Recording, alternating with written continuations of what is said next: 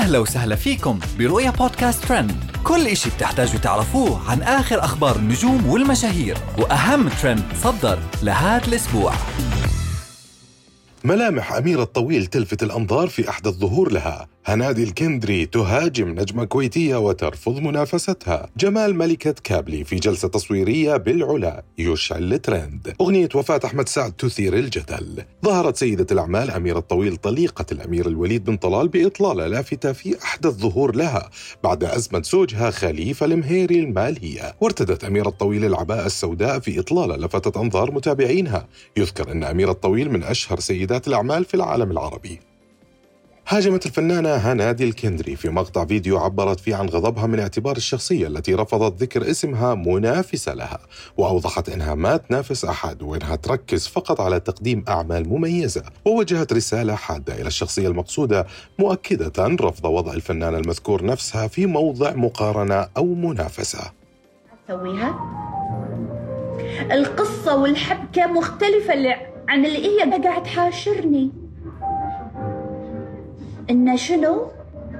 إن إحنا منافسين. لا أنا مو منافسة حق أحد. أنا نافس نفسي. أنا ما نافس أحد. أنت تبين تنافسين نافسي عمرك. أنا ما نافس أحد. أنا عندي الفئة اللي تشوفني اللي تتابعني. تحب هذه النوعية من الأعمال. أنا قدمت هذا العمل هدية مني لهم. أنا ما أنافسك. ولا أنت تنافسيني. فشنو يصير؟ يصير إن الموضوع تحدي. أنا ما أبي أتحدى.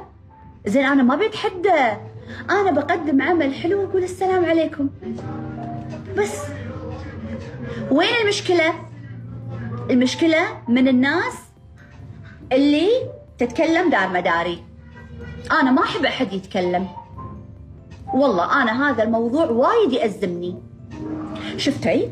شفتي؟ شفت يبا ما ابي أشوف. ما ابي أشوف ولا اسمع ولا بتكلم.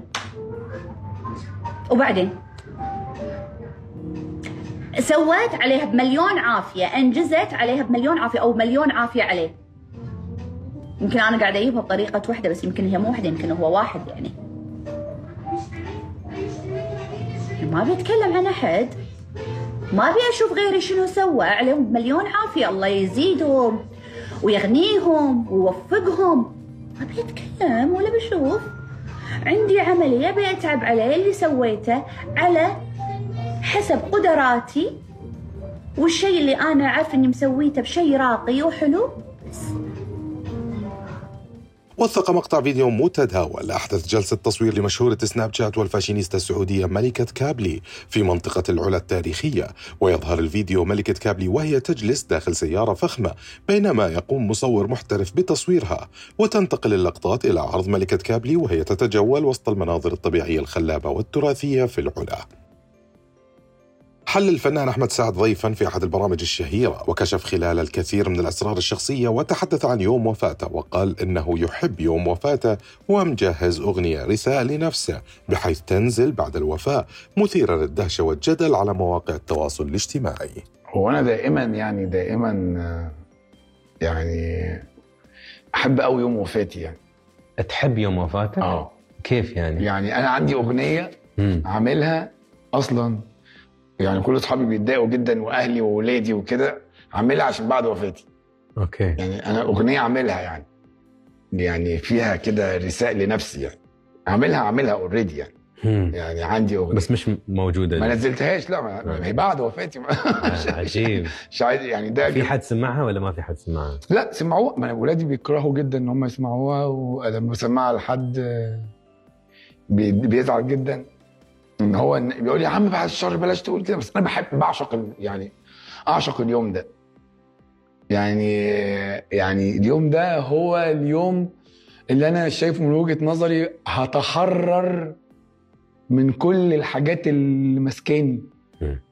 الحاجات اللي هي ماسكة عقلي وماسكة جسمي ومخليه جسمي ضعيف ومخي محدود وقدراتي النظرية وقدراتي العصبية والعضلية كلها ضعيفة جدا. اليوم ده اللي هتحرر منها وأبقى قوي جدا. وهاي كانت أهم أخبارنا لليوم. بنشوفكم الحلقة الجاي. رؤيا بودكاست.